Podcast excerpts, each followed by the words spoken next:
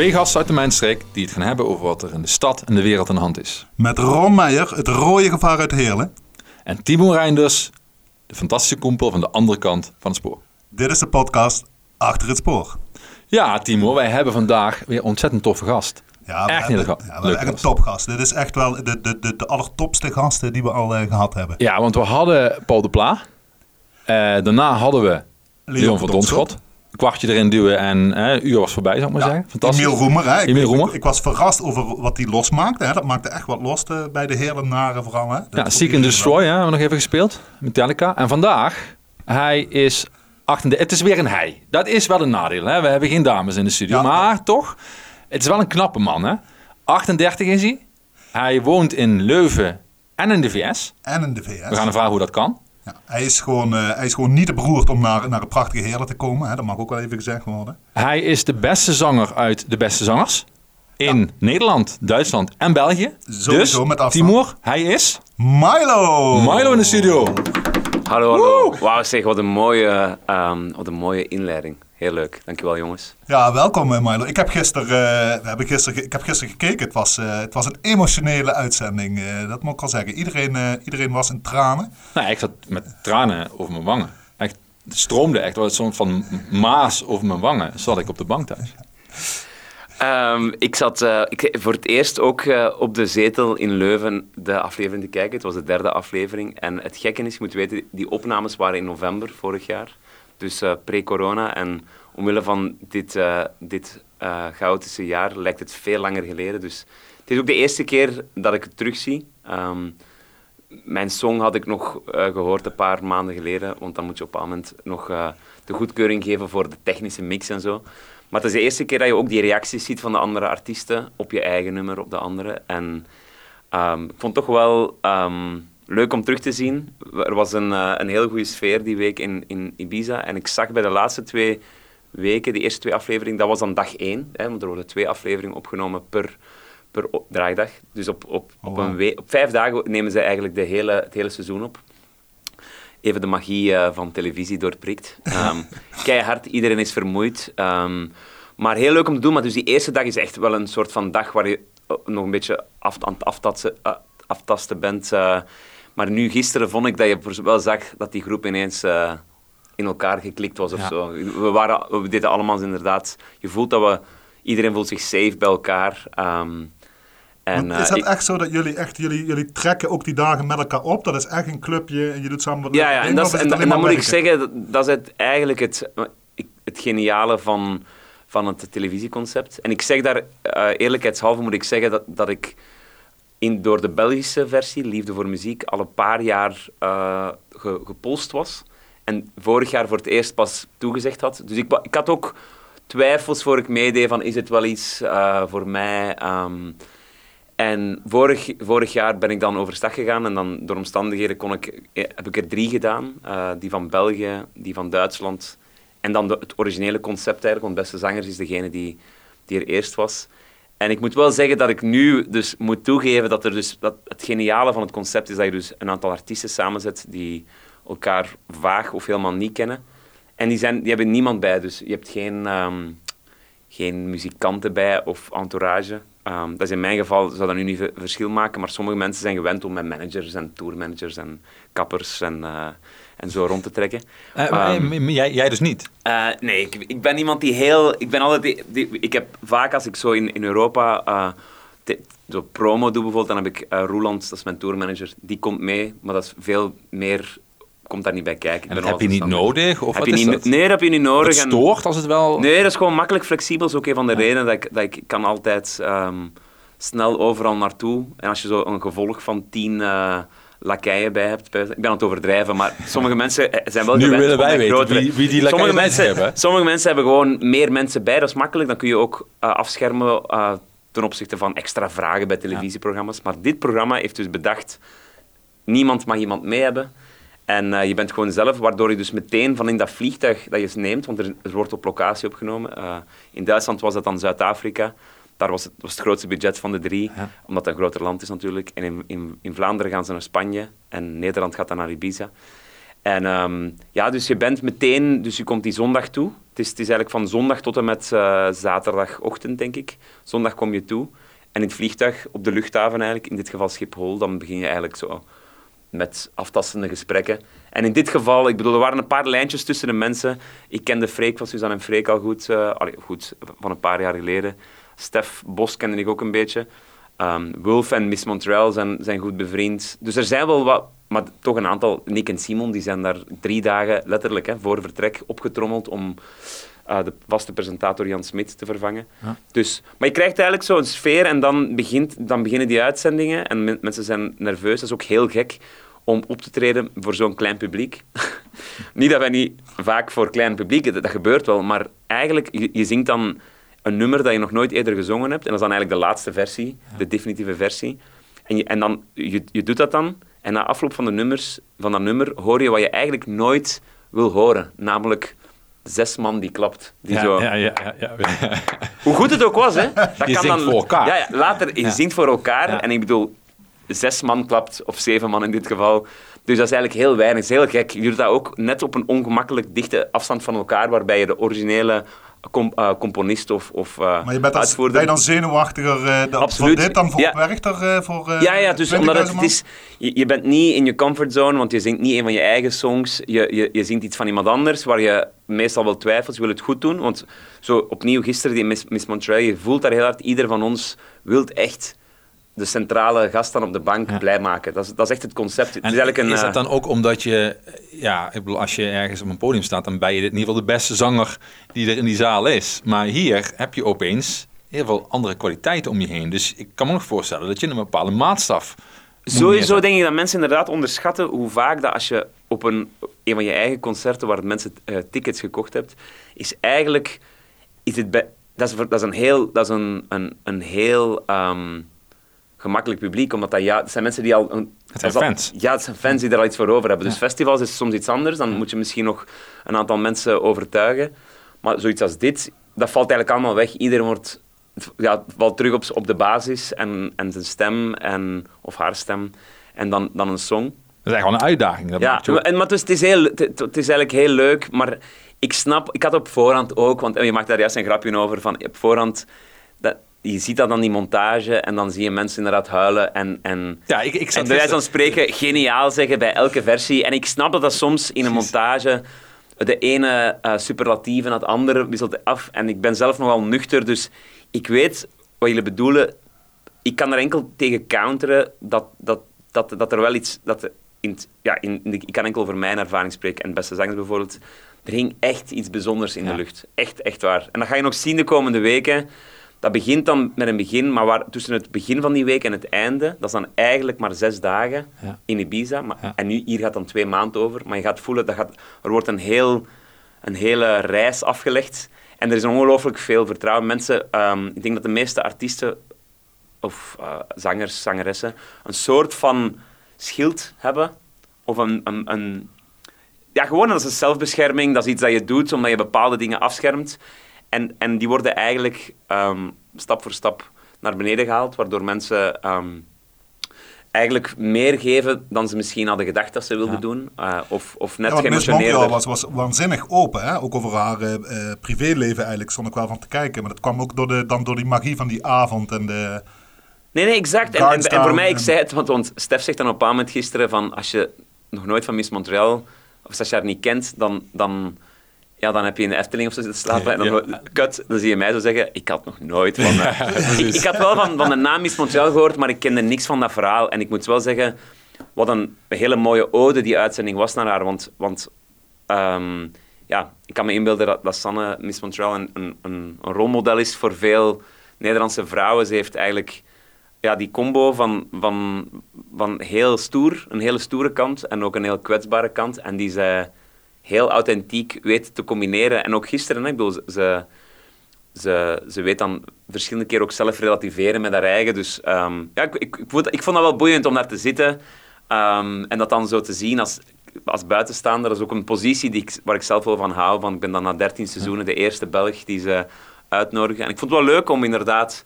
Voor, voor mij was dat toch... Zo bijvoorbeeld die, die Harry Jekkers, uh, Ik hou van, van mij, die Tabita gisteren deed Dat is blijkbaar een, uh, een nummer uit de jaren 80, als ik me niet vergis. Ik was als enige, kende ik dat nummer niet. Ja. Ik, vond dat, ik vond dat wel een topnummer. En dus het is wel leuk om inderdaad zo van die dingen binnen te krijgen. En van de eerste rij dus. Want je verwees ook naar, uh, waar we het voor de uitzending over hadden. Nee, ik zat gisteren te kijken en ik zag al die, ja, die, die, die Hollanders janken. En ik dacht, ja, onze gast, dat is tenminste een bikkel. Die zit daar zonder dat de tranen vloeien. Misschien kunnen we wel in onze podcast wat tranen brengen. Dat gaan we gewoon, gewoon eens even zien. Wat moeten we daarvan doen, ja, uh, Nee, ja, de, ja, we hadden het inderdaad voor we opnamen. Ja, dat, dat is dan, ik, ik snap, ik denk wel iedereen die gisteren inderdaad zo'n traan... Dat, dat, dat is, die voelen dat wel echt en die voelen vooral geen reden om dat niet te laten gaan. Zo. Um, ik, ja, ik zit zelf persoonlijk wat anders in elkaar, maar dat wil niet zeggen natuurlijk van dat ik ook niet. Ik ben ook zeker uh, verschillende momenten heel ontroerd geweest uh, in dit seizoen. Ik ben dan inderdaad, ik begin dan niet de tranen, beginnen dan niet uh, over, maar ja, dat is denk ik individueel en persoonlijk. Mm. Um, maar um, ja, nee, het, het, was, kijk, voor mij, dat was dus de derde keer dat ik het deed vorig jaar. En ik zou dan kunnen denken van, is het dan nog wel tof. En eigenlijk was het op veel vlakken de leukste van de drie ervaringen. En veel had ook te maken met dat ik zelf ook echt ontspannen was. Omdat ik ondertussen wel al beter weet wat erbij komt kijken. Ik amuseer mij ook altijd te pletter met die songs voor te bereiden, om dan bijvoorbeeld een aantal nieuwe teksten te schrijven. Hoe gaat het? Krijg je nou, ga je dan uh, weken voordat je naar Ibiza gaat, ga jij die, die uh, nummers van die artiesten luisteren en ga je dan op zoek naar het nummer wat bij jou past? Hoe gaat dat dan zo Ja, ja, ik bedoel, absoluut. Dus ik denk dat de keuze de keuze van de songs die je gaat doen wordt, wordt gemaakt. Um, als ik me niet vergis, was dat augustus, juli, augustus, terwijl de opnames in november waren. Niet onderschatten, hè, want... Je bent helemaal vrij om te kiezen, of, of is er een soort van shortlist? Ja, nee, dus op een moment uh, ja, is er een soort van... Ik denk, de evident bij de meeste artiesten, zeker als ze al langer bezig zijn, zijn de bekendere nummers. Um, um, zijn de voor de hand liggende keuzes. Ik denk, zo, het blijft een televisieprogramma, dus die willen natuurlijk toch een aantal sleutelnummers aan bod komen. En dan krijg je nog een beetje mee van, van, van per muzikant wat hij, wat hij of zij zijn eigen uh, bijzonderste nummers vindt. Daar hangt dan een verhaal aan. En dat zijn dan vaak nummers dat je zelfs misschien nog niet kent, omdat dat een albumtrack was op album 8 of zo, um, afhankelijk van hoe lang iemand al bezig is. En dat kan dan inspireren, want één keer dat je hoort van, ah, dat was de aanleiding voor dat nummer, dan heb je misschien zelf een, een, een extra link met een song. Um, dus in die zin, dus op een moment eh, maak je zelf een wishlist. Um, en in mijn geval, dan, dan wordt er een soort van meeting gewoon op voorhand, een paar maanden op voorhand, waarbij, waarbij jij zelf een wishlist hebt. En dan wordt dan even afgetoetst met de andere wishlist. En zo kom je een beetje in geven en nemen. Dus um, ja, ik, ik zei dat zo'n aantal... Ik was eigenlijk ja, super blij. Ik moet gewoon... Ik, voor mij, ik wil gewoon zien dat ik er zelf iets, iets anders mee kan doen. Dat niet gewoon één op één is. Dus dat kan dan zijn, zoals bij Suzanne en Freek, dat, dat ik in het Engels een, een versie maak. Of bij Digidext was eigenlijk een song die vooral gerapt wordt op basis van twee akkoorden. Daar heb ik dan een aantal nieuwe akkoorden bijgeschreven. En die, die structuur wat door elkaar geshuffeld. Dus ik moet gewoon zo'n insteek hebben. En dat is wel heel... Dat is leuk om te doen, maar dat wordt dus wel uh, ja, een, toch een paar maanden op voorhand gedaan. Want niet vergeten, die Marcel Visser band, die live band die daar zit, die eigenlijk... Die, die krijgen niet echt de spotlight, letterlijk. Hè. We, we, mogen daar niet over... Allee, als we daarover spreken op de bank, dan wordt dat eruit geknipt, omdat ze willen de aandacht op ons houden. Maar het is een hele goede band. Ik bedoel, dat hoor je ook als een live band. En die moeten natuurlijk ook de tijd hebben om dat in te repeteren. Want kun je nagaan, er zijn zeven weken van zeven nummers. Dat zijn meer dan 50 songs die dat die dus, even ja, kunnen, zeg maar. En vooral niet alleen moeten doen, maar dan ook op een bepaald moment terug van... Oh, ja, dus die, die, die zijn keigoed, maar dus die moeten ook de tijd om het te repeteren. En, ja, dus uh, ik ben benieuwd naar de reacties. Ik, ik moet zeggen dat ik, uh, dat ik het zelf ook niet zo goed kan inschatten. Ik, de eerste twee weken zat ik in Duitsland, had ik concerten, dus dan, dan, dan vroeg ik maar aan, aan de Nederlandse collega's van, en, goede reacties? Ja, ik bedoel, weet ik veel. Je zag het niet, ja. Ja, nee, dus, uh, maar ja, ik krijg leuke reacties, dus het is het is precies een, een goede start genomen. Nu, nu was voor mij, Milo, en, en, natuurlijk was je al eerder doorgebroken, gaan we het zo meteen nog verder over hebben. Maar voor mij was uh, dat, dat, dat uh, ik je zag en hoorde, dat had te maken met voetbal. Want je zat eh, een keer of Klopt, 584 eh, keer oh, op de bank. Eh, learning how to fly, hè? Voor, met, die, met die wondergoal van Robin van Persie. Ja. Hè? Die, uh, ja, en odes aan de spelers die opvielen. ik geloof dat je al een keer iets geschreven had... omdat je vanuit ging dat Nederland tegen Mexico eruit zou vliegen. Maar dat dat toch niet gebeurde uiteindelijk. Eh, en daar kon je wel zien, als je dat terugkijkt, wat ik natuurlijk eh, research en goede voorbereidingen op deze show gedaan Zo heb. kennen we hier ons, zo kennen we hier. Ja, dat, dat, eh, dat, dat, dat die gasten in die studio helemaal onder de indruk waren. Eh, en dat was, volgens mij was dat voor veel mensen wel. Ben ik nu de enige? Had- Heb ik Milo van tevoren gewoon niet gezien en gehoord. Eh, maar volgens mij voor best wel veel mensen, breder publiek, was dat eh, ook een soort doorbraak, zeg maar. Ik, ik zou erbij zeggen, zeker het mannelijke publiek. Ja, nou ja, dat is het misschien. Ja, Ja, want dat dat, is is, dat is eigenlijk... Dus in 2014, dat was eigenlijk de eerste keer... Dus ik had natuurlijk... Dus in, ja, om, om nog verder terug te gaan, in 2008, 2009 ben ik voor heel veel keren... Heel veel keren, verschillende keren bij de Door. Die hebben mij Ja, eigenlijk precies, ja. een gro Ja. groter publiek gegeven. En dan volgde radio en met EO Technology en zo.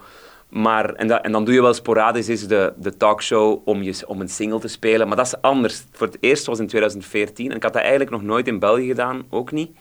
Ehm, en dan eh, ben ik toen inderdaad gevraagd om een vaste rubriek te nemen in, eh, in Studio Brazil, heette dat Ja, dan. De Studio ja. Sport eh, variant van het WK in, in Zuid-Afrika, als Ja. ik me niet vergis. Ja, was 2010. 2014 was... eh goh, eh, Studio Brazil zou wel in Brazilië zijn geweest, ja, moet ik ja, dat is een goed punt. hè. Exact! Goed punt, Timo. Het is goed dat je scherp bent. Ja, Nee, exact, tuurlijk, Studio Brazil. Ja. Nee, maar nee. Ja, Zou Maar dat was in daarom- daarom hebben 2010. Dat was dat in is 2010. 2010. Daarom hebben we Timo ook in deze podcast. Op dit soort momenten is hij scherp en dan... Exact. Ik weet wel zeker dat 2014 was dat ik er zat, omdat ik toen drie weken in Hilversum heb gewoond. Ah, In, in Amsterdam. Want Ja, ja. zij hebben toen gevraagd, en, en dat was eigenlijk de link met mij, was toen Henry Schut, eh, die al sinds jaar en dag, sinds, eigenlijk sinds dat ik voor het eerst in Amsterdam speelde in januari 2009, was die blijkbaar in het publiek. Dat, dat ontdekte ik later pas. En die, die had een kant gezien van mij die het grote publiek nog niet zag, namelijk ik vertel heel veel eh, tussen songs op concerten en ik, er is veel meer humor op mijn concerten dan dat er ja, in mijn song zit. Ook al vind ik persoonlijk EO Technology een hilarische eh, cover, omwille van de, de tekst en zo, maar dat is moeilijker om die humor eruit Ja, te krijgen in een ja. opname. Ja. En dus, die had altijd onthouden. En die, had, die vroeg me toen eigenlijk... Die was me eigenlijk al lang het hof aan het maken. Die had, die had een idee, die mocht voor het eerst die show samenstellen, meer een talkshow. Ehm, en die was... Ja, ik ben nu toch aan het... Was de, was de, voor het eerst waren ze eigenlijk niet ter plaatse. Dus Ja, de. Studio Sport moest gemaakt worden vanuit Ja. Hilversum. Maar er waren zeer lage herinneringen. Maar kom, wat- wie heeft Ja, die goal, ik- eh, jongens, de ik goal heb van Persie, van Ja. Persie in de Ik heb het opgezocht. Spanje? eh, Ja. Wat was het? 2010 hebben wij de finale verloren van 2014. Spanje en 2014 hebben we de openingsmatch dat was 2014. tegen... Want 2010 Ja. heb ik de finale van Nederland eh, heb ik gezien. Ik had een optreden in Barcelona de avond ervoor. En we zijn de dag erna met de crew en de band op een day off, zoals we zeggen. Want de dag erna we terug een concert. Zijn wij in Barcelona tussen de Spanjaarden Ja. En de, de moedige, dappere, eh, extreem exponentiële luide Nederlanders die daar ook tussen liepen. Super dapper. En die je? Wat match gezien. En, en ik weet nog goed, ik zal het nooit vergeten, ja, die wedstrijd, dat verloop.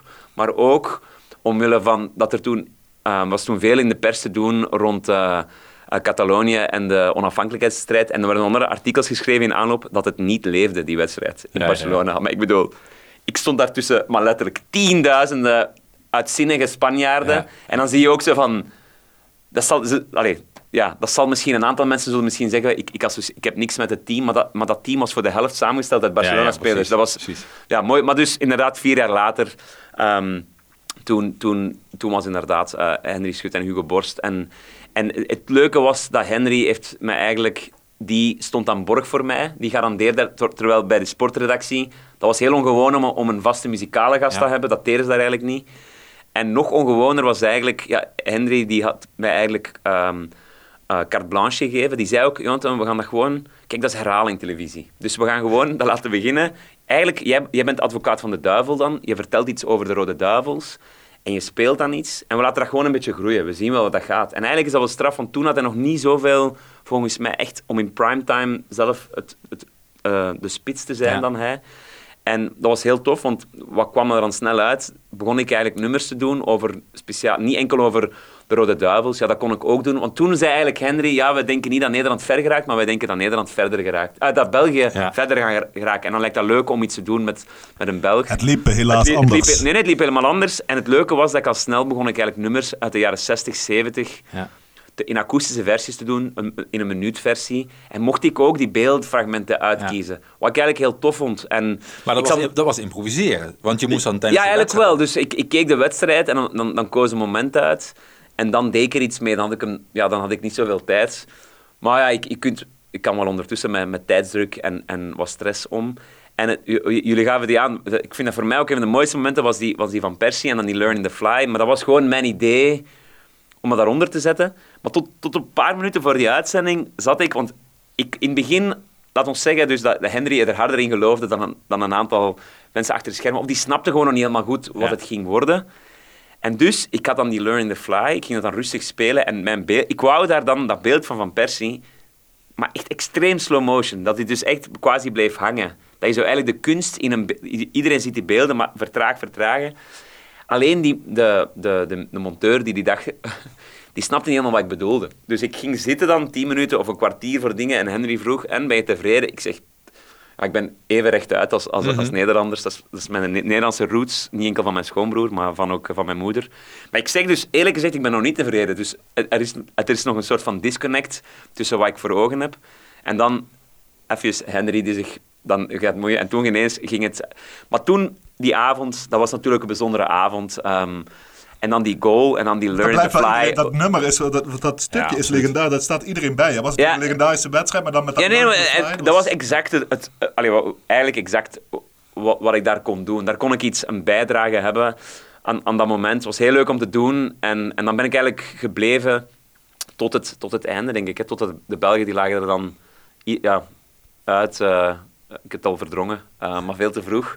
Maar dus eh, heel leuk om te doen. En dan, dat was denk ik inderdaad... Ik heb inderdaad gemerkt, om, dan op jouw vraag, eh, dat in de concerten... Want ik speel altijd mijn concerten in Nederland. Ik heb, ik heb mijn, ondertussen mijn eigen publiek die... eh, of ik nu op de radio ben of niet in een periode, mijn, mijn concerten die lopen altijd goed. Maar toen merkte ik wel dat er een soort van extra eh, influx van, van, van mannen waren die, dat is duidelijk, die met daar bezig gezien hebben. Want inderdaad, kijk, je wordt als muzikant altijd getypecast. Dus ah ja, akoestische gitaar, dan, is dat, dan is dat voor een vrouwenpubliek of dan is dat zo. Maar het leuke vond ik om dat te doen, die, die, eh, die, 2000, die zomer van 2014, was omdat ik dan ook nog iets, ja, een andere facet of zo kon tonen van ja, humor of, of dan die sport, die liefde voor sport. En ja, in Engeland is dat de normaalste zaak dat, dat, dat muzikanten van allerlei genres ook allemaal grote sportfans zijn. In, in, in België en Nederland is dat zo, ja, dat is apart. Dat, is niet per se, dat hoort niet per se bij muziek. Terwijl, weet je, Oasis, dat was Manchester City. Ja. Dat, is, dat, is, dat is allemaal verbonden met elkaar. En terwijl bij ons is dat minder. Dus ik vond, dat wel, ik vond het leuk die kans te krijgen om dat te tonen. Want in het algemeen is dat iets van... Je wordt wat getypecast. Dus elke keer als je daar wat, met die verwachtingen wat kunt, wat kunt spelen of die wat kunt tegenin gaan, dan, dan leidt dat meestal tot boeiende Want dat, want dat was het gaaf inderdaad. Sport en muziek. Misschien was dat wel wat ik bedoelde met dat ik dat de eerste keer zag. En we hebben dat misschien 1988, hè, Nederland werd Europees kampioen. Toen had je dat eh, Hazes. 15 miljoen, nee, 15 miljoen eh, eh, mensen kwam natuurlijk naar de hand waar 88 in werd verwerkt. Hè. Maar hier zag je inderdaad de schoonheid van muziek gecombineerd met die slow motion beelden. Of dat nu van Persie was, of het waren Rode Duivels. eh, was het nou Fellaini, waar je volgens mij ook een nummer, een ode aan zit er bij mij ook ik. even, ik, heb, ik, heb een, ik heb een paar odes, die odes begon ik te doen, omdat dat, en dan was ik, heb ik op een bepaald moment eh, You're So Vain met Cristiano Ronaldo met beelden, of Boys Don't Cry van The Cure, ehm, Ja. rond gewoon spelers die zo, maar echt, maar tranen met duiten begonnen Ja. te huilen bij het, het volkslied en zo, Ja. en zo of bij een verlies. Ja. En ja, op een duur, je hebt zoveel prachtige beelden, als het, als het WK begint te lopen, dan kun je wel echt in die databank van een toernooi echt toffe dingen halen. En hoe verklaar je ehm, dan dat dat in, in, in Engeland en op andere plekken, dat die verbondenheid van muziek met eh, sport groter is? Waar, waar ligt dat aan? Ja, in België, om, omdat we natuurlijk niet zo'n... Denk ik, dat begint ook wel omdat dat gewoon niet zo glorieus is, ook die sportprestaties. dat denk ik dat daar een deel van is. Het is altijd makkelijker... Ik bedoel, hoe beter het Belgische team kon te doen, hoe meer fans eh, zichzelf outen als, eh, als eh, Rode Duivel-fan. Dus, eh, om dan over het voetbal te spreken. Ehm, ik weet het niet goed. Dat is, dat, ik, dat iets dat mij altijd opviel. Ik stond daar eigenlijk zo wat alleen in met de muzikanten van mijn generatie, dat, dat die oh, sport niks van moeten hebben. Ehm, dus ja, maar, maar ik denk dat er ondertussen wel aan het veranderen is. En ehm, ja, dat, dat, opnieuw, die dingen, ik denk dat muziek vaak met sport samenhangt, maar dan is dat meestal elektronische muziek of uptempo muziek. En het leuke was om daar eigenlijk momenten te zoeken waarbij zo een verstild moment, zo akoestische gitaar en stem, dat eigenlijk ook kon werken en dat dan plaats kon hebben tussen die testosteron die daar eigenlijk wel afspatten. Want ik heb daar ogen getrokken tussen al die eh, ex-voetballers die allemaal... Ik vroeg me dan af, waarom komen die nu allemaal zo ja, dat doen. Ik bedoel, en, dat, ja, en dan zei ze, ja, nee, dat, dat zijn soort mannen die, die vinden dat heel belangrijk om hun mening te laten gelden in het debat. Dus dat is helemaal anders in België. Dus ik vond dat wel interessant om daartussen te zitten en om te zien. En ook om dan eigenlijk met mijn... Allee, als een paard van Troje mijn, mijn inbreng daarbij te houden. Maar het was een leuke ervaring. Maar ik, dat vind ik wel interessant wat je daar zegt. Want hoe is dat dan hoe is dat, eh, anders in België? Want ik weet dat in uh, België heb je ook talkshows over voetbal. Hè? Maar daar, daar nodigen ze, daar nodigen ze altijd Jan Mulder uit. Ja, ik denk dat- altijd, ja, waarom, waarom, waarom sta- zitten daar dan geen Belgen? Maar, eh, Dat is, dat, is, dat is een talkshow in België, daar zit Jan Mulder dan. En dat is dan... Ik denk dat dat iets, iets safe is om op terug te vallen. En Jan Mulder doet dat ook supergoed. Dat is exact wat, wat de Belgische kijkers van houden. Van humor en of surrealisme. En dan ook nog kennis ter zaken. Maar voor een, een Vlaams publiek is het helemaal niet belangrijk om, om tien voormalige spelers of coaches allemaal hun, hun toch lichtjes andere visie te horen. Dat, is, dat, dat, dat zit zo in de cultuur. En misschien heeft het ook wel te maken dat de onkostenvergoedingen van de NOS eh, een pak hoger liggen dan eh, in Brussel. In Brussel moet je dat vooral doen voor eh maar wij geven ook wel graag onze gratis mening. eh, pintje achteraf of zo. Ja. Wij Nederlanders geven ook graag onze mening als je niet gevraagd wordt. Hè. Daar hebben we Nee, geen nee, en opnieuw, jullie hebben een, een, een- tot, tot nu toe toch nog altijd een grotere voetbalgeschiedenis en cultuur. Het heeft ook meer van die ja, topcoaches opgeleverd en spelers bij topclubs. Het zou heel goed kunnen dat als deze huidige generatie eh, eh, eh, Rode Duivels, en de voetballers, dat als die binnen tien jaar, dat, dat dan ook, dat als die ook allemaal analist worden, een deel zal coach worden en daarna analist, of een deel zal meteen analist worden, het zou kunnen dat dat, dat ineens een nieuwe injectie geeft. Er is nogal een ploeg die er nu Ja, staat. maar dat Nee, mag wel maar- gezegd worden. Hè. De Bruine, ja. Hazard, eh, dat, dat is echt ongelooflijk. dat, dat, hè, dat, kan, dan, dat kan bijna tippen aan het niveau van Roda, toch? Ja, Als je ja, ziet wat daar ja, allemaal... Het komt in de buurt. Nou, Komt niet overdrijven, Ja, ja. maar... eh, Ik, kijk, onze laatste Jonathan wedstrijd... zich af, wat, Wat is Roda? Nee, nee, nee, nee, ik, ken, ik ken de Roda uiteraard. Ehm, en ik, ik probeer ook vooral niet, eh, niet, niet te snel eh, ge, niet snel te geprovoceerd te worden door de laatdunkende opmerking. Dat was natuurlijk... Ik heb daar toen in 2014 super hard in kunnen trainen. Ik stond er als enige Belg dan altijd. Ehm, tussen zo, en dan altijd de grapjes over Belgen en, en dit en dat. En ik, ik weet wel dat ik zo op, op het aan had ik wel zoiets van om dan tussen zo die, die Belgen, dat was wel spannend. Omdat ik keek die match daar dan ook. Dus terwijl eigenlijk liever weer aan mijn vrienden thuis doen of tussen duizenden anderen op een plein of zo. Dus dat, dat begon op het einde wel wat te wringen, dat ik dan die, die wedstrijden... Op dat moment hoop je nog dat je de finale haalt. Dat je die dan in een, in een steriele studio... Vooral ook tussen de Van der Vaarten en de, Ja, ja, ja. en de andere tussen de wereld die dan heel die alles afkraakte. Ja. Dus dat was soms wel echt zo van... goh, al ja, voetbal is ook gewoon beleving, weet je wel? Van, Precies, who cares? Zelfs als die ploeg op, op dat moment eigenlijk helemaal niet goed aan het spelen is. ik bedoel, dat is ook die beleving daar rond. Dus dat, dat op het einde was, want Henry had dan gevraagd, ja, wil je twee jaar later nog eens doen met EK? En dan ben ik nog een paar keer geweest, maar ik, hem toen, ik had ook mijn agenda, ik had dan festivals en dan... En dan, daar heb ik ook op een moment gezegd van Henry, ach, ik, ik wil die... Ja, ik, ik denk dat ik het op een moment... Ik heb allee, we het gedaan, het was mooi, maar ik ben ook altijd van op tijd stoppen op een hoogtepunt. Ik bedoel, oké, ik denk dat, ik het, dat, dat de verrassing, want dit was mooi, en dan vond dat wel jammer, denk ik. Maar de volgende wedstrijd stond ik wel in, in Leuven tussen 10.000 Rode Duivelsfans in outfit. En toen, had ik wel zoiets van, ja, dit is voetbal natuurlijk. Maar dan stel ik voor dat we, dat we Milo een keer bij Roda uitnodigen. Ik bedoel, dat, dat, zeg maar, als hij dat gevoel wil hebben... Daar moet er op tijd bij zijn, hè, want anders kunnen we geen tickets krijgen natuurlijk. en dan moeten we eh. nu zeggen dat Roda natuurlijk gewonnen heeft van Dordrecht. Dat weten wij nog niet, want de opname is gemaakt voor de wedstrijd. Maar ja, wij zijn natuurlijk Wij- ontzettend ja, eh, dat- vol dat- vertrouwen. Nee, topwedstrijd eh 10-4. Ja, En, eh, 10-4. Tegen het altijd moeilijke Dort. Ja, man, dat was, ja, toen ik die beelden zag op CNN, dat de, dat de keeper van Roda die het eerste keeper was die ooit een hat-trick scoorde in een wedstrijd. En een omhaal, hè? Ja, dat was, dat, was, dat was fantastisch. Ongelooflijk. Maar je bent hier ook verder in goed gezelschap, Milo. Want eh, wij Limburgers, wij worden ondertiteld als wij op de Nederlandse televisie komen. En Daar heb ik bij jou niet zien gebeuren. Dus wa- wanneer toen? Ja, nee, jij bent gewoon... Ben je eh, zeker? Want ik maar, word eh, vaak, eh, ondertiteld. Dat is juist. Was ik de enige die niet ondertiteld werd? ik probeer zo langzaam mogelijk... eh, Maar daar hebben, daar hebben Belgen en Limburgers, als het gaat om de rest van, hè, als wij, wat wij de Hollanders noemen, overigens onze zeer gerespecteerde Hollandse luisteraars, hè, Ja, eh, ja. Daar, daar kunnen we elkaar wel de hand schudden. Want de grappen die wij met z'n allen maken over Belgen, die maken zij over Limburgers als de Belgen er niet bij zijn.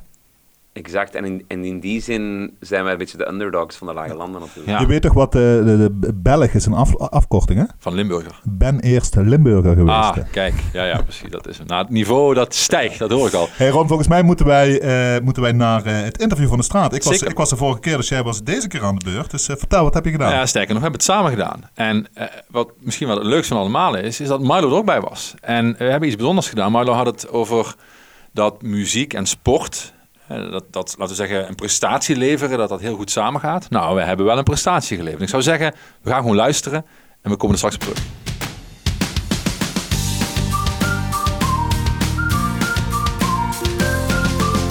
Wij zijn aan de toren van de Pagatiekerk in Heerlen en ik loop achter eh, Frank Steins. En die brengt ons helemaal naar boven. Als je me hoort puffen en kreunen, dan weet je dat mijn conditie slecht is. Maar Frank brengt ons naar het carillon. En Frank doet dit werk al. Frank, hoe lang? 25 jaar dit jaar. 25 jaar. En het zit in de familie. Ja, dat klopt. Mijn vader was uh, stadsbeheerdier. Niet alleen van Heerlen, maar ook van eh, Maastricht. En ik heb het eh, 25 jaar geleden van hem eh, mogen overnemen. Ja, Maar als klein jongetje zat ik hier dus al eh, ja, vijf jaar oud, zes jaar oud. Zat ik hier al in de toren. Dat was mijn, eh, mijn speelplaats. Hè? en wat zien we hier? Waar zijn we nu? Waar lopen we naar binnen? Ja, je ziet hier Een eh, hokje zijn we een nu. grote stenen toren. Er is een hokje in. En boven dat hokje zitten 49 bronzen klokken. En die zijn nog eh, gegoten in de tijd dat eh Heerlen echt een mijnstad was. Dat het eh, water tegen de plinten opklotste. En toen hebben ze zich kunnen permitteren om echt een van de mooiste carillons ter wereld eh, aan te schaffen in 1964. En, dit zijn nog. en Ja. deze klokken zijn ook door de nazi's in de oorlog eruit gesloopt. De, de, de oorspronkelijke klokken zijn door de nazi's eh, meegenomen hè, voor de oorlogsindustrie. En deze zijn later weer gekomen in 1964 als vervanging eigenlijk van de, van de oude klokken. En eh, ja, met het carillon erbij heeft de kerk echt, eh, of ja, de stad ook echt een, een stem gekregen om de toren te laten zingen. Ja, nu staan we hier voor ja, jouw tweede huis, mag ik dat zeggen? Ja, dit is, eh, hier staat ook letterlijk geschreven in het muziekkamertje van de Frank Steins. Heb ik niet zelf opgehangen. Ja. ik zet heel even het automatisch spel uit. Anders gaat hij er dadelijk doorheen eh, Dat is, klikken. het, dat is het tikken dat we horen nu. Het tikken dat je nou hoort. En normaal gezien elk half uur of elk uur speelt het carillon een melodietje voor de tijdslag. Zodat Ja. mensen weten wanneer ze moeten beginnen met tellen. Maar wat ik hier doe, op een eh, klavier, dat ziet er een beetje uit als een piano, maar dan met stokken. En dat klavier dat staat in een soort veredeld tuinhuisje. Hè? Dat we het weten midden in de, in de toren van de Pagatiekerk. Ja, ja, ja, en een cabine, een houten cabine. En ehm, daarmee kan ik de klokken zeg maar live bespelen. Ja, maar hier zit dus voor jou er zitten heel veel herinneringen in. Ja, zeker. Want je ging met je vader mee, vul ik maar even in. Ja, precies. Dus ik eh, kom hier al zo'n 45 jaar in deze toren. Ja. En wat was nou, weet je dat? Wat was nou je eerste, je eerste nummer, je eerste eh, lied, als ik het zo mag zeggen? Eerst wat ik zei, ja, nou mijn vader die was redelijk klassiek eh, opgeleid en eh, die vond ook, ja een carillon moet je als een concertinstrument behandelen. En ik keek dan naar beneden en denk, ja het klinkt allemaal wel leuk, maar wat, wat hebben de mensen op de terrassen eraan hè? en eh, toen, ik heb dan, toen ik begon was ik de jongste bijaardier eh, ter wereld. En toen ben ik begonnen, ik geloof dat de... Marco Borsato, de meeste dromen zijn bedrog, dat dat toen een hit was. En dat ging ik toen spelen op een carillon. Nou stond de hele carillonwereld in rap en roer, want dat was niks om op een carillon te spelen. En Dat mocht niet. Nee joh, dat was, moest een concertinstrument zijn met Bach en Beethoven en zo. Nou ja, nou speel ik dus eh, van alles. Van, eh, ja, kijk, ah, dit is, hier hangt zo'n eh 10, 12.000 kilo aan bronzen klokken. Ja. Nou ja, als dat geen heavy metal is, hè, Ja. dan eh, weet ik het niet. Dus ja, je kunt hier eigenlijk ook alles spelen als het maar eh, ja, mooi is en dat de mensen eronder van kunnen Dus onze voormalige burgemeester, die fan is van Seek and Destroy en Metallica, Precies. die is hier ook al fan van, begrijp ik. Die, die heb ik ook al een stukje Metallica cadeau. Emil Roemer, onze vorige gast ook in de podcast. Precies, ja. Hey, maar eh, je gaat zo meteen aan de slag. En, en je zei, er stond de, de, de wereld van de carillon eh, eh, op zijn kop. Maar de wereld in Heerlen stond ook op zijn kop. Want ja, menig een wist wel dat hier wat gebeurde. Maar corona heeft ons op dit vlak een beetje geholpen, zou je kunnen zeggen. Zou je kunnen zeggen, hè? Dus het carillon is een, eh, bij uitstek een, ehm, ja, een corona-proof instrument. Want ik zit hier op eh, 65 eh, Ja. meter van iedereen eigenlijk af. Dus eh, we hebben hier een eh, festival gehad waarbij we een maand lang concerten hebben gegeven in coronatijd. En dit was volgens mij het enige, op dat moment het enige muziekfestival in heel Nederland dat doorgang vond. En gaan we daarmee door, is natuurlijk de vraag die op ieders lippen ligt. Ja, natuurlijk gaan we ermee door, want we hebben hier het mooiste carillon ter wereld. Dus daar Ja. gaan we wat mee doen. Nou ja, en het mooiste podium zou ik zeggen. Dus de hele stad kan jou volgen. Ja. Eh, nu we hebben ontdekt dat we dat gewoon de wereld in moeten zwengen. Hè, en we op het terras kunnen luisteren. Gaan we doen. Gaan we doen. Nou, laten we eens horen dat. Super.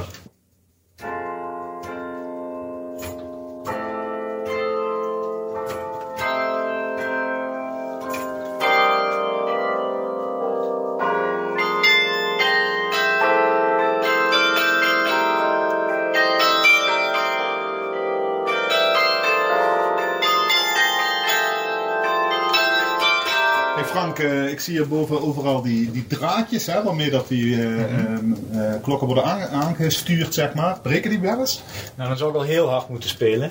En eh, voor- tegenwoordig zeker niet meer, want eh Want, want het dak van het huisje waar we in zitten is niet stevig genoeg. is er een klepel doorheen gegooid, dan, eh, Dan is het einde Frank dan Stein. is het einde van de bijerdier. Ja, ja, precies. Dus dat moeten we zien te voorkomen. Dus de draden die zijn eh, gemaakt van Dynema. Dat is op zich heel symbolisch, want bij de laatste restauratie hebben we de, de klokken met het klavier verbonden met Dynema draad van DSM, de opvolger van de, van de mijnen. Ja. Terwijl het carillon eigenlijk ooit door de mijnen aan Heel is geschonken. Dus dat is heel symbolisch, zeg maar. Maar die draad is dan ook zo sterk dat het me ja, letterlijk sterk lijkt dat ik die kapot kan slaan. Ja.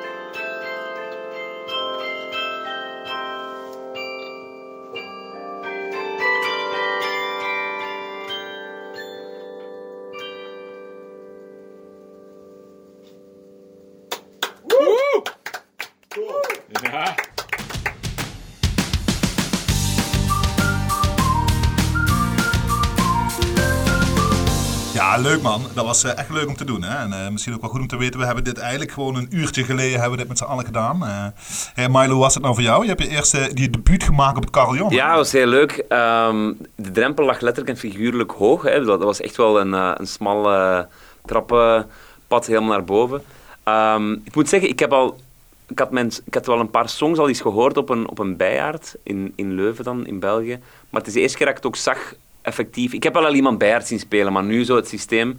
En eh, ik had er zelf nog niet op gespeeld, dus het was wel leuk dat hij mij vroeg.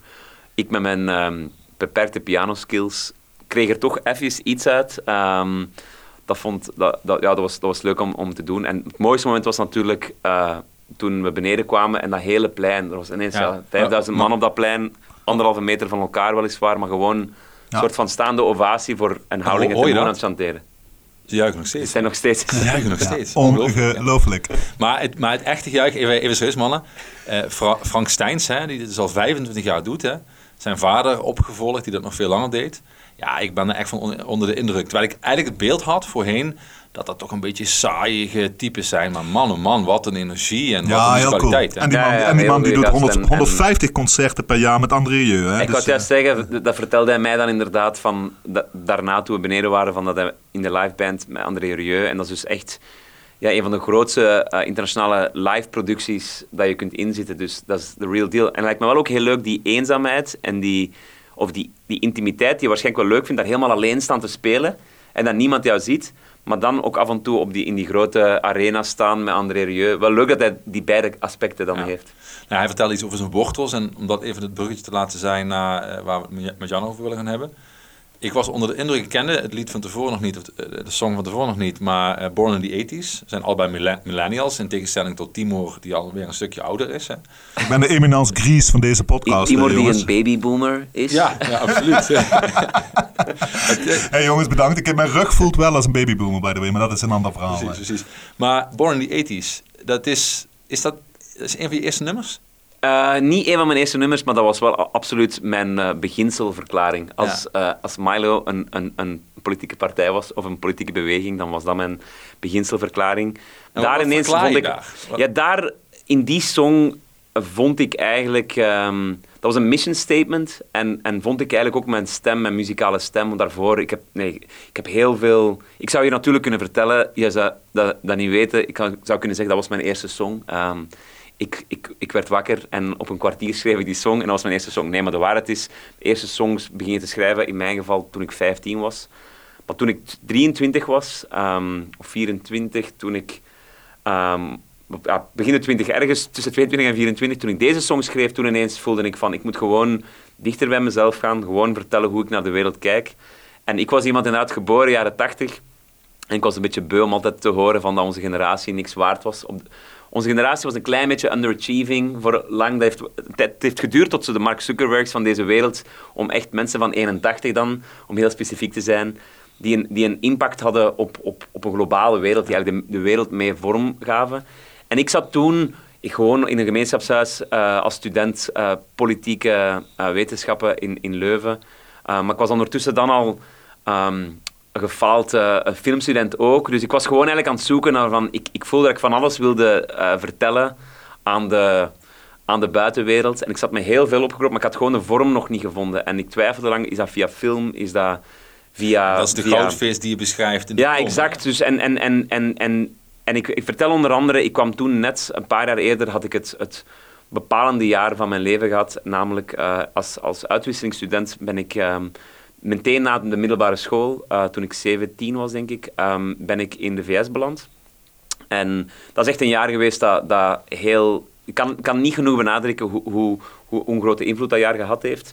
Um, dat is een lang verhaal. Ik wou eigenlijk eerst naar Australië of Nieuw-Zeeland, maar daar waren dan niet genoeg gastgezinnen en je geeft je eigenlijk over aan die willekeur. Dat is, dat is deel het concept van het avontuur. Je mag niet echt exact een regio uitkiezen.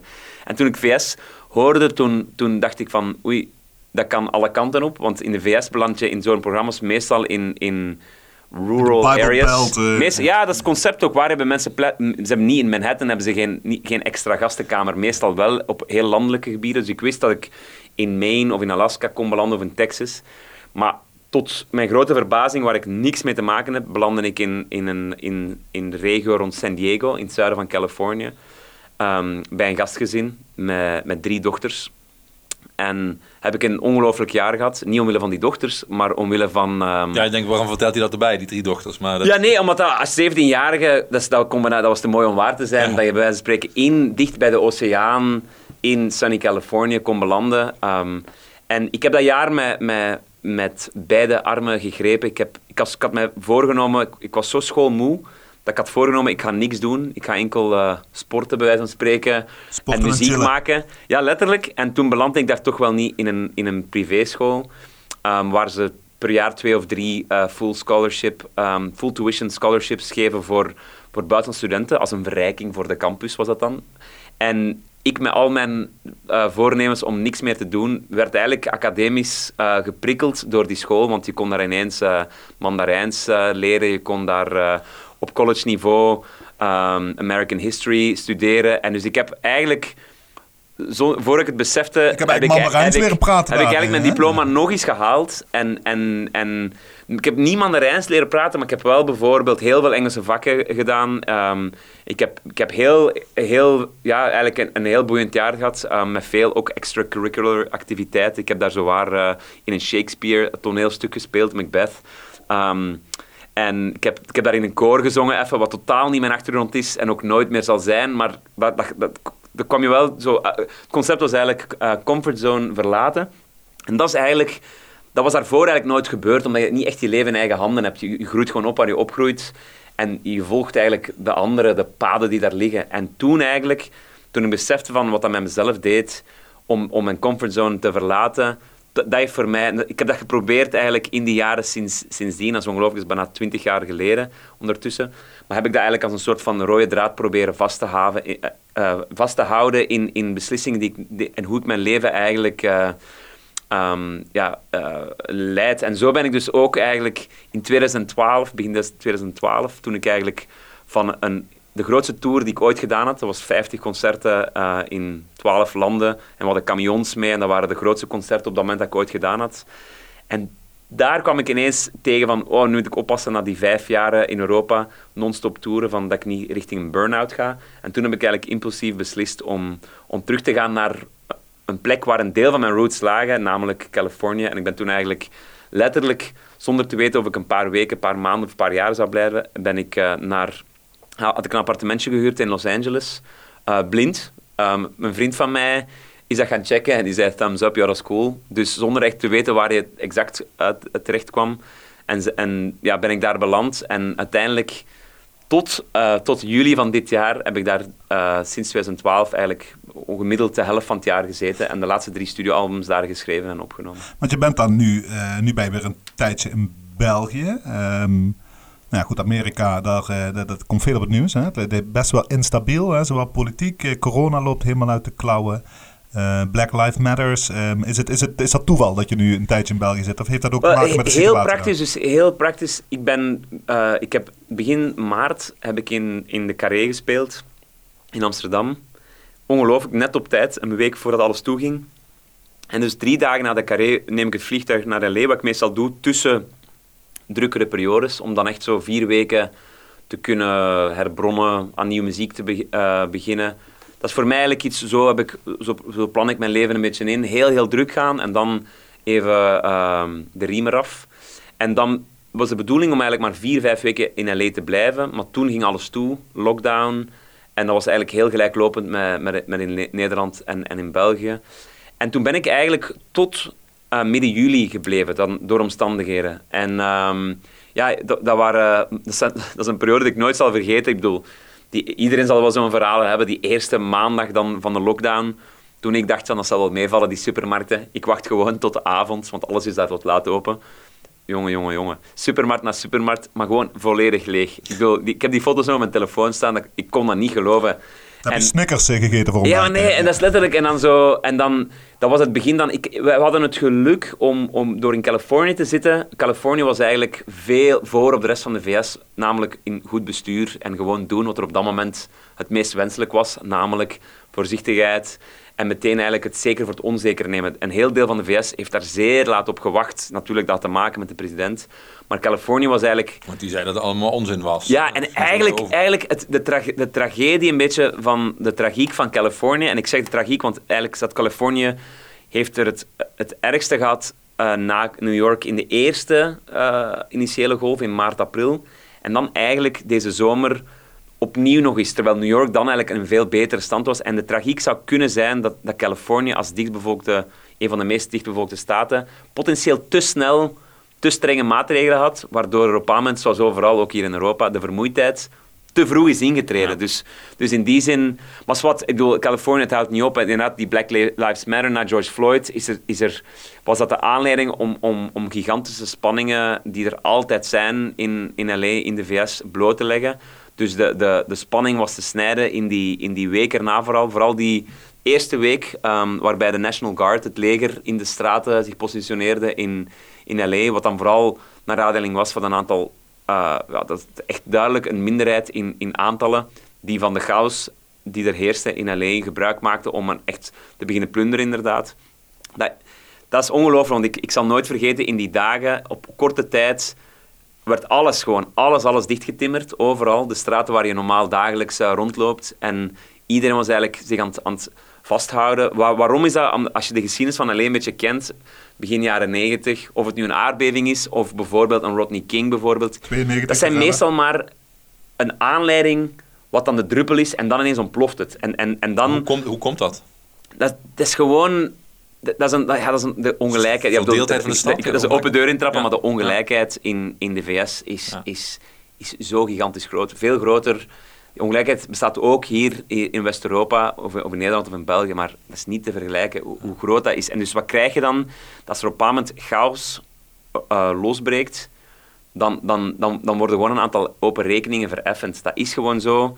En, en dat was toen... ehm, ja, bij elke keer als er rassenrellen zijn, dan gebeurt dat zo. Het grote verschil leek nu te zijn... Dus na drie dagen... Ik moet zeggen, die drie dagen waren super, super, super... De spanning was te snijden. Was avondklok in heel L.A., ook waar wij zitten. En ik weet nog op een moment, een, een van mijn beste vrienden die belde en hij zei... Ja, Jonathan had niet geloven eh, wat ik net gedaan heb. Eh, dat, dat is...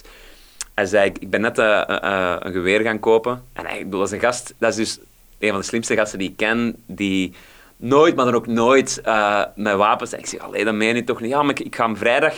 Dus binnen een week, mijn belofte aan mezelf, ik doe hem vrijdag toe. Maar hij verwoordde wat er op dat moment leefde, dat, dat het onduidelijk was of de stad die spanning onder controle ging krijgen en of op bepaald moment het geweld zou overslaan. In de eerste, in, de eerste dagen was dat de sneaker stores of de, de eigenlijk redelijk anonieme allee, stores die, of de, de supermarkten. Maar er was natuurlijk een reële vrees, als je de geschiedenis kende, als dat ook naar parti- particuliere wijken Ja. zou overslaan, dan zou het dus gewoon een stratenoorlog kunnen zijn. En omdat je ook weet dat, dat je niks aan de federale regering hebt, die het enige wat die deed was eigenlijk de olie op het vuur gooien, was een reële mogelijkheid. En hij, en hij heeft toen gewoon puur om zijn gezin effectief die stap ondernomen, wat dus eigenlijk waanzin is. Het heeft nooit, ik heb het voelen kantelen. Ik was het wel drie, vier dagen. Ik voelde wat er in de lucht hing. En dan ineens, net op tijd, is, is, is, dat, ehm, is, die, dat, is, dat, is, dat, is dat protest onwaarschijnlijk georganiseerd. Heel indrukwekkend. Het grootste aantallen ooit, de minste incidenten ooit. En, en het verschil blijkbaar met de jaren 90 was dat iedereen meedeed aan die protesten. Maar dat is ook wel, maar dat is wel goed. Alle omdat- kleuren, ja. wit, eh, Was je erbij? bruin. Ja, ik heb zelf, ehm, ik heb zelf een aantal ehm, eh, demonstraties in onze, in onze buurt ehm, meegedaan, eh, meegelopen. En ik moet zeggen, dat was heel indrukwekkend. En, en je zag gewoon van, je voelt dat iets aan het bouwen is. Want dat wordt natuurlijk niet belicht vanuit Trump zijn kant, maar eigenlijk is er nog nooit zo'n grote eh, draagvlak geweest voor die hervormingen van de politie, voor, die, die, ja, voor uiteindelijk gewoon die institutionele eh, discriminatie. Kun je, kun beschrijven wat je, wat je voelt in zo'n demo? Als je die verbondenheid, volgens mij is dat wat ik je hoor zeggen. Ja, exact. Want, want die, dus, er werd heel veel zo, eh, trolls online deden heel hard hun best om die, om, om die, die gepland... Dat, waren dus, dat was heel georganiseerd. Dus je kreeg eigenlijk, als je bepaalde dingen volgde, kreeg je per dag te horen in welke buurten van L.A., en dat is gigantisch, hè, ehm, kreeg je te horen waar er eh, demonstraties zouden zijn, waar het de meeting point was. En dan kon je eigenlijk gewoon kiezen van die en die daarin mee te stappen. Maar, maar er werd al heel snel zo met misinformatie, werd er dan gezegd dat er dan met geweld zou zo tegenorganisaties, waardoor je, waardoor je een bepaald type betoger die geloven in de goede zaak, maar die niet per se ergens willen in een, in een charge van een, van een oproerpolitie willen belanden of ineens op het nippertje door de avondklok met traangas. En, en, maar dat werd al snel duidelijk, dat werd weggeveegd en, en het was heel duidelijk van in die, in die paar di- dingen die ik deed en die vrienden van mij en anderen in L.A. deden, dat was, dat was echt heel indrukwekkend. Grote massa's, die namen, want ondertussen is het een, een ellenlange lijst geworden van, van, eh, van zwarten die, die gestorven zijn door politiegeweld, door buitensporig geweld. En die, werden dan, die passeerden er allemaal, dus dat werd dan meegepakt. En no justice, no peace werd er gewoon gescandeerd. En het was, ja, dat, dat was gewoon, op dat moment, dat is een heel eh, indrukwekkend moment om daar te zijn, om, toch die samenhorigheid te voelen. En, en in een stad als L.A. is natuurlijk ook maar een deel van de VS. Daar het krijg je niet zoals bijvoorbeeld wel in een aantal meer Midwestern staten, krijg je veel meer die, die tegenbetogingen en zo. In, in, in, een, in een LA is bijna unanimiteit Ja. rond wa- wa- waarom dit moest gebeuren. En bijvoorbeeld Garcetti, de burgemeester, heeft het zwaar verduren gehad. Ze hebben grote massa's heel lang rond zijn eh, privéwoning geparkeerd.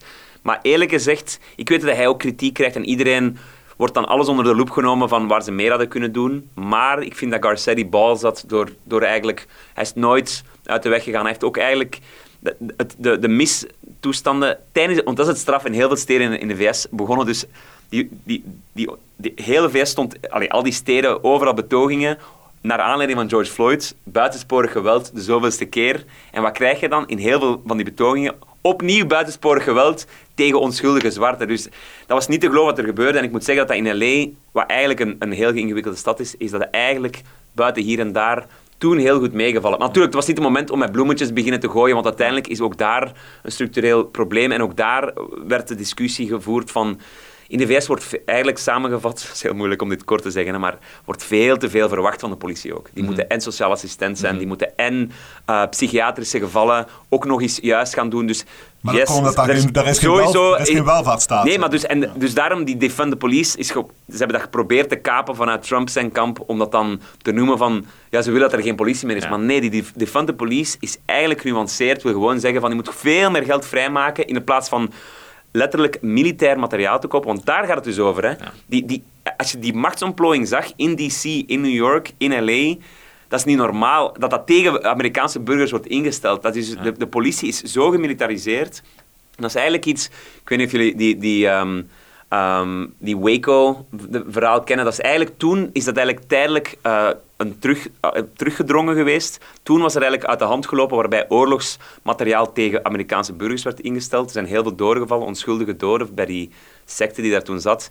Maar nu eigenlijk krijg je dat je dat bijna terug op datzelfde punt staat, waarbij ineens oorlogstuigen, ik bedoel, dat, is, dat is niet te geloven, het soort materiaal, en tegen Amerikaanse burgers. En Amerikaanse burgers zijn anders dan Europeanen. Wij onderschrijven met z'n allen, welke kant van het spectrum we ook zijn, onderschrijven wij dat we wel een heel aantal dingen goed vinden aan, aan, aan, aan, aan, aan waar wij belastingen voor betalen. Namelijk, wij gebruiken eh, openbaar vervoer, gezondheidszorg, onderwijs. En je kunt wel afzetten tegen een aantal dingen, maar er is een soort van eh, gemeenschappelijk akkoord over dat bepaalde dingen nuttig zijn. In de VS is dat er dus niet. In een heel aantal staten leeft er nog een soort van pelgrimsmentaliteit, waardoor mensen heel veel wapens kopen en eigenlijk our property, we moeten eigenlijk niks verwachten van, van, de, van de overheid. Integendeel, we moeten die eigenlijk wantrouwen en op een afstand houden. En dan krijg je dus dit, wat je, wat je nu gebeurt. En als dan ook nog eens de politie tegen jou keert, dan heb je zoiets van, maar ik bedoel, we zijn toch allemaal Amerikaanse burgers. En ineens krijg je dus dat er dus tanks tegen jou gericht Ja. worden. Dat is dat- niet onderschatten de symboliek ervan. De, de één op één, het één op één overnemen, hè, wat je in Nederland en België denk ik ook ziet gebeuren.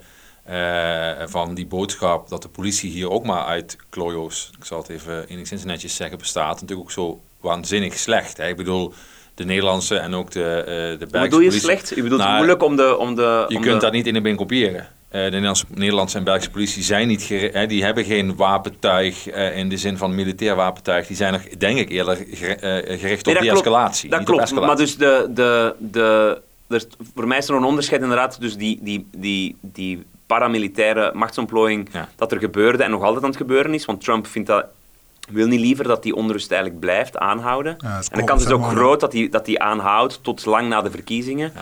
Maar het, het ding is natuurlijk dat de basis was Black Lives Matter, was eigenlijk die institu- de institutionele ehm, ongelijkheid aankaarten. En ik vond wel degelijk, uiteraard in een Belgische of een Nederlandse variant, of een Ja. Duitse variant, maar ik vind wel degelijk dat er een heel aantal hele goede punten zijn gemaakt. Want bijvoorbeeld ook bij ons, ja, het is zo dat een politieagent een veel... een, een langere opleiding krijgt eh, in West-Europa dan in de VS bijvoorbeeld. In de VS is dat letterlijk zelfs niet nationaal bepaald. Hè. In sommige gebieden is dat letterlijk van een paar cursus, cursusje en, en ga maar. En dan verschieten ze dat een aantal mensen ongepast reageren. Dus ik ben zeker... Ik ben als muzikant, dat is, het, dat is het voordeel. Ik hou van die, van die rol. En ik heb inderdaad een, een, een diploma eh, politieke wetenschappen. Maar voor mij is dat, niet, is dat eerder een gevolg van mijn inter- open interesses dan dat dat mij de tools geeft of zo van, om dit te doen. Maar ik hou van, van, de, van, de, van de plaats die ik als, als, als muzikant, zanger, tekstschrijver kan innemen, namelijk om te observeren. En wat ik altijd doe, ik geloof enorm in, in de, de waarde en de kracht van empathie. Dus ik probeer mij in elk, in elk debat, probeer ik me altijd in de andere ehm, zijn schoenen te, te zetten. En, en gewoon om te weten, want ik volg heel veel het nieuws, ik lees de New York Times. Maar Hoe ik lees bijvoorbeeld ook elke week, ik, ik lees ook elke week de Fox News bijvoorbeeld. Omdat ik dat blijven wil weten. Ik wil blijven proberen te begrijpen hoe zij dat zien. En in die zin kan ik dus ook, als het gaat over pol- po- politie, eh, politie ehm, eh, de, de politie van, in, in bepaalde regio's of in bepaalde landen, ja, tuurlijk, dat is ook niet gemakkelijk altijd voor hun, maar het blijft ook wel een feit dat er ook daar heel veel misstanden worden. En we hebben natuurlijk de laatste tijd in België, zijn er ook naar, naar aanleiding van, van deze zomer ook een aantal zaken naar boven gekomen die misschien anders eh, ja, niet precies. veel aandacht. Dus Ja. ik, ik ben wel, ik geloof ook wel, allee, er wordt zo soms zo een, een, para- een, een discours gevoerd van ja, maar nee, ehm, de verandering moet je door, door rust en, en harmonie, maar je moet af en toe heb je een paar van die, van die crash momenten, Moet zoals schuren, deze. ja. Ja, af, af en toe moet het schuren. Ja. En dit is zo'n jaar. En je kunt zeggen dat het, dat het, dat het allemaal op elkaar opstapelt. Wat het in de VS nog harder aan doen is dan hier in Europa. Want hier is er eigenlijk een, een relatieve rust. Eh, en, en een beschaafde rust kun je, het, kun je stellen. Maar het is ook niet, het is niet toevallig bijvoorbeeld. Die, die, het feit dat Black Lives Matter, dat die protesten ontploffen. En dat er dan zo aan de, aan de ene kant wordt gezegd van jongens, jongens, eh, social, social distance. En dan werd in Amsterdam, we moeten daar hier niet over uitweiden. Maar dat exact werd ook door een aantal partijen in Amsterdam gevoerd. Maar het hele punt is natuurlijk die, die, die hele crisis waar we nu in zitten, raakt niet iedereen even, evenredig. En eh, ik weet nog goed, ook collega's van mij, ik, ik heb een aantal weken even niks op social media, maar zo, een aantal muzikanten waren iets te snel van, het raakt iedereen evenredig. Het virus En, eh, discrimineert niet. Arm hè? en, ja, exact, maar dat is dus fucking bullshit. Ja, hè. precies. Dat moet ook nooit meer... In de, iedereen die er nog in de... Dat is van, oh, wake up. Ik bedoel, want ik- of, of ik nu in een lockdown zit in de VS of, of in België, ik bedoel, wie, wie werkt er nog in de supermarkten? Wie Ja. staat er nog in de, in de warenhuis? Wie Ja. werkt er nog Nou ja, voor dat was volgens Bol.com mij of Amazon, ja. Amazon? En dat is echt letterlijk... En die Black Lives Matter, om dan zo vanuit een, een, een rijke witte hoek te zeggen van, ah, ja maar... ehm, je moet be- je- je- All je- je lives moet- matter. Ja, all Ja. lives matter. En je moet, ehm, je moet afstand houden. Dus echt niet het moment om nu te gaan demonstreren. Hou dat lekker voor, voor eh, na de crisis. Maar dat is natuurlijk, ja, die, die dingen lopen allemaal samen en zijn ook verbonden. Dus dit, dit gaat gewoon een, ik voel gewoon aan alles dat dit een sleuteljaar wordt voor de geschiedenis. En iedereen die er zit, denk ik, uh, jullie, waar gaat het dan naartoe, jullie ook, wij interesseren ons enorm voor geschiedenis. En, en ik kan nu op dit moment, en, en nog eens zeggen, het is september 2020, ik denk dat het, dat het jaar nog niet geschreven is. Ergens zou ik bijna willen van met z'n allen overeen te komen om zo om gewoon een paar maanden te skippen. Kunnen we gewoon zeggen van 1 oktober, dat we gewoon oktober, november skippen, straight naar zo kerst, iedereen wat milder wordt en dan het volgend jaar beginnen. Maar het jaar is nog niet geschreven en ik vrees, ik hoop natuurlijk, hè, de verkiezingen begin november, ehm, dat, ja, dat, daar, dat, daar, eh, dat, dat Trump niet herverkozen wordt. Maar jongens, jongens, in, of hij nu wint of niet wint, het zal sowieso chaos worden. En gaan we dit, en kom eens op de, bij Trump. Ik heb nog een interessante vraag over ten aanzien van je scriptie en je thesis. Kom eens Mhm. meteen uit. Maar gaan we dit terug in je muziek horen en zien? Maar dus, Want dit raakt je. Bedoel, hè, eh, eh, Ja, absolu- nou, absoluut. En, en, en de, de waarheid is dat, dat ik, dat ik door, op elk album staan er, staan er eh, meer politiek getinte songs. Dat zijn natuurlijk niet de songs die, die mijn grote radiohits zijn geworden. Dus mensen die mij dicht, van dichtbij volgen, die weten dat er... Ik heb een nummer onder andere geschreven in 2011, The Kingdom, over België. Mm. Ehm, dat, dat trouwens ook zal passeren in mijn aflevering Beste Zangers. En dat was eigenlijk gewoon een beetje mijn aanklacht tegenover die, die impasse die in België al zo lang is en nu eigenlijk gewoon terug herhaald, want we hebben al twee jaar geen regering. Ehm, geen federale regering, moet ik zeggen. Ehm, en dus die, die songs zijn er. Die songs heb ik heb verschillende aanvaringen gehad met politici, in, eh, vooral aan de, aan de rechtse kant, eh, in, in, in eh, Vlaanderen. En dat heeft allemaal te maken, maar ik, heb- ik ben een beetje een buitenbeentje. En ondertussen is ook eh, Duitsland een, een- bijvoorbeeld een groter land voor mij qua concerten. Dus ik neem nooit een blad voor mijn mond. Ehm, ook niet in België. Dus terwijl een aantal collega's, Vlaamse collega's, die zullen iets voorzichtiger zijn, omdat het maar een klein gebied is natuurlijk. En je moet proberen niet te veel mensen voor de borst te stoten en zo. En daar, daar heerst, de debatcultuur is veel minder open in, in Vlaanderen dan, dan in Nederland bijvoorbeeld. Dat, dat klettert minder vaak. Het is beter om vooral niet te veel, niet te veel van mening te verschillen. En, en als die er is, als je voelt dat je, dat je van mening verschilt, moet je daar vooral niet over praten. Zo. Terwijl dat is natuurlijk niet goed, want het is juist beter om... eh, Om ja, eruit te gooien. Ja, om eruit te gooien en, en die spanning ook een kans te geven naar buiten te, te laten komen. je hebt politieke... Maar, sociale- dus ik, heb ook, ik ben aan een nieuw album bezig, sorry. Ja, Dus- nee, precies, heel goed. Maar, ehm, de, ik heb een nieuw album bezig en er staat onder andere een nummer op dat heel hard beïnvloed is door deze zomer. En door, ja, wat is nu de, wat is nu de, de, de hoop? Of wat, wat, ik, ik ga op zoek naar hoop, inderdaad, in, in, in donkere tijden. En ik heb een song geschreven die inderdaad, dat is meer een verhalende song, dus zal zeker nooit op de radio komen, maar dat is, dat is een song ehm, die heet op dit moment Dispatch from a Brave New World. En, en beschrijft een aantal personages. eh, iemand die eh, door, door COVID eh, op spoed ligt en die eigenlijk beseft dat hij met, met zijn zoon totaal vervreemd is. En die een soort van laatste poging reaching out doet. Daarna een soort van agent die aan de foute kant van de betoging staat en die op een bepaald moment gewoon zegt van fuck this, ik, ik ga aan de andere kant. En dan een politicus die eigenlijk zegt van al die voorgeschreven speeches, het is tijd om eens echt te beginnen luisteren. Dus ik, ik, dat, is, dat, daar zit een naïviteit in, maar dat is zo, ik heb die song geschreven, die zal op mijn volgende album komen. Dus ik, ik, breng, ik probeer dat wel met muziek te doen, maar ik ben ook de eerste om te zeggen, mijn bijdrage tot het debat is meer dan in die letterlijke regels in, in, het, in de song die op, op dat moment op de radio is. Ik bedoel, ja, ik, bedoel, ik ben zeker, ik ben John Lennon ook niet, die dat weergaloos kon combineren. Maar ik, ik bereik heel veel mensen, ik heb een groot platform. En een deel van de mensen die ik bereik, dat is niet enkel voor die muziek. Die muziek geeft mij een, een microfoon. En dan, dan, dan probeer ik meestal eh, iets te zeggen wat ertoe doet. En ook, ja, op, op, dat, dat is wat klef misschien, maar de, de, de vibes die ik via mijn concerten in heel veel landen in Europa kan, kan sturen. Ik geloof daar letterlijk in, omdat ik zelf ook muziek van ben, dat dat, dat, dat mee mensen kan, tot positieve verandering kan, kan inspireren. Gewoon een moment van ontroering, een goede avond. En ik geloof dat echt dat er beslissingen genomen worden. Niet, niet naar, mijn concert enkel, hè, maar naar een goed concert of een goede culturele voorstelling. Geloof ik dat mensen soms zeggen van fuck it, ik ga van job veranderen. Ik heb het te lang uitgesteld. Of fuck it, ik ga, ik ga mijn relatie naar de volgende. Ik ga samenwonen met mijn lief. Ik zeg maar iets. Ik geloof letterlijk dat dat gebeurt. Maar dat is wel moeilijker om dat dan wetenschappelijk te staven. Als we het over inspiratie hebben, Bruce Springsteen, heb ik begrepen. Dat dat een, dat dat een idool is van je. Ja, absoluut. Springsteen heeft... eh, trouwens, dat is letterlijk... eh, Als ik een paar eh, voorbeelden, inspiraties eh, ehm, moet noemen, dan is Springsteen er een van. Omdat hij eigenlijk die, die dunne, moeilijke, moeilijk te bewandelen lijn tussen commercieel succes en artistiek en inhoud en boodschap kan bewandelen. En, en Springsteen is ook iemand die Ik verwacht dat trouwens ook nu in, in die nieuwe muziek die eraan komt. Maar onder andere... Ja, een- binnenkort, een- hè, in oktober komt met, met ja, met de eh, Rising na 9-11 Ja. heeft hij echt...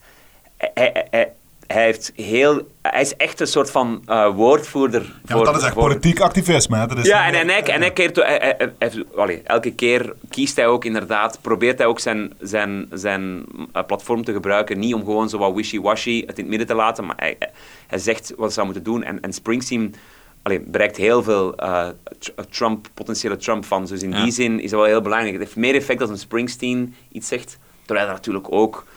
Net zoals, dat is natuurlijk de, de, de paradox in de VS dat mensen als Springsteen en Trump elk op een andere manier beschouwd worden als eh, van working, de working class man, maar terwijl ze zijn al twee multimiljonair. Maar ja, dat is natuurlijk, dat is, dat, er zijn zoveel paradoxen bij Trump, die heeft heel nul gemeen met, met, met, met, met, met, met working class of Ja. met mensen. Hij heeft nooit eigenlijk echt veel struggles eh, tegengekomen. Of, eh, maar ja, die, die heeft zich dan een soort van... Dat is allemaal politieke marketing en dat, dat, is, dat, is, heel, heel frustrerend. Maar laat ons... eh, ik zou zeggen, als deze week verkiezing is, dan mensen vragen dan... Wat denk jij? Ja of nee? Terwijl, natuurlijk, ja, vier jaar geleden zat iedereen ernaast bij zo'n spreken. Of de meeste. En ehm, als het deze week zou zijn, dan, dan, dan, dan wint Biden.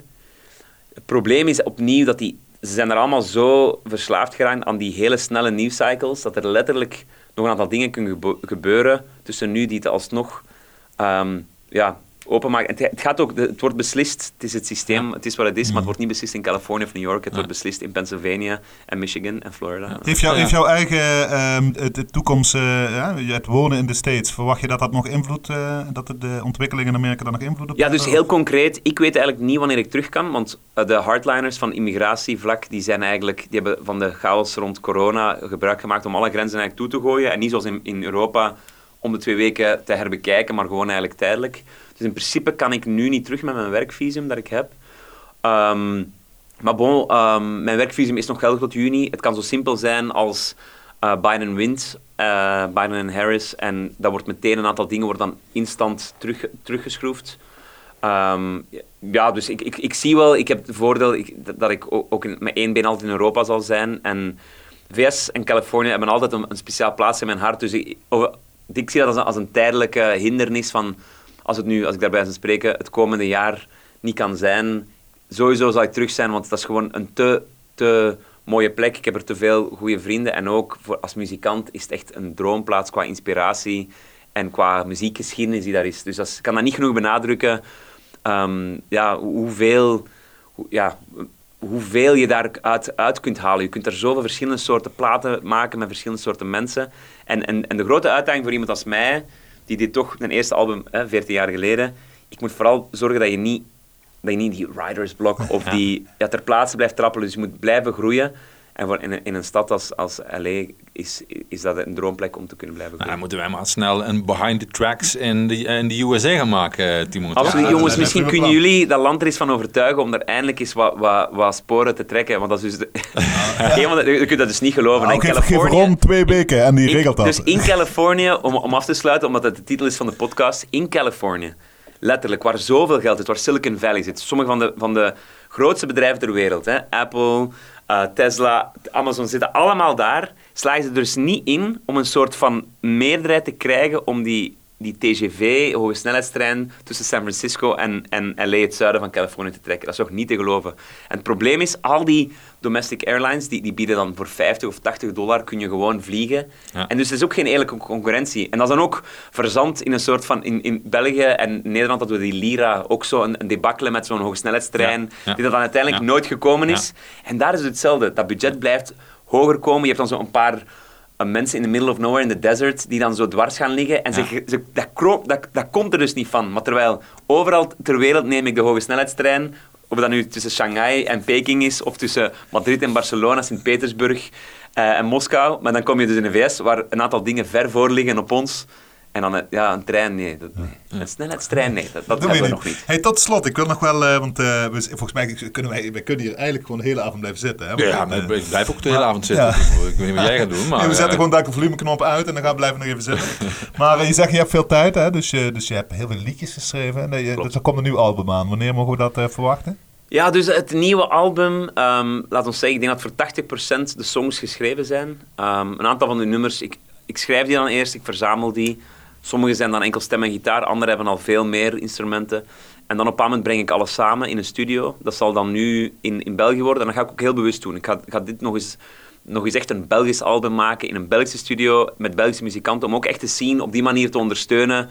Want die heeft het brood nodig. Ehm, en ik denk, ik ga een beetje de kat uit de boom kijken van wanneer... Kijk, je kunt een song uitbrengen in, in, in coronatijden. Een heel album, daar komt dan toch weer reizen bij kijken. Dus dan moet ik even kijken van wanneer dat is. Ik denk dat het sowieso volgend jaar uh, verschijnt. Volgend jaar is een... Uh, voor de mensen van 81, om, om ook die cirkel rond te trekken, is een uh, speciaal jaar. We worden 40. Het is een goed jaar. Ja, ze kijken de, de twee, de twee dus, mannen uit 81 dus kijken elkaar verliefd 2021 wil ik voor mij persoonlijk op verschillende manieren toch ook een, een bijzonder jaar van maken. En één daarvan zal ook zijn met een nieuw album. En hopelijk weer een, een, een grote stap vooruit op, op muzikaal vlak en inhoudelijk. Dus, maar ik blijf, uh, Timur, um, ik blijf uh, songs uitbrengen.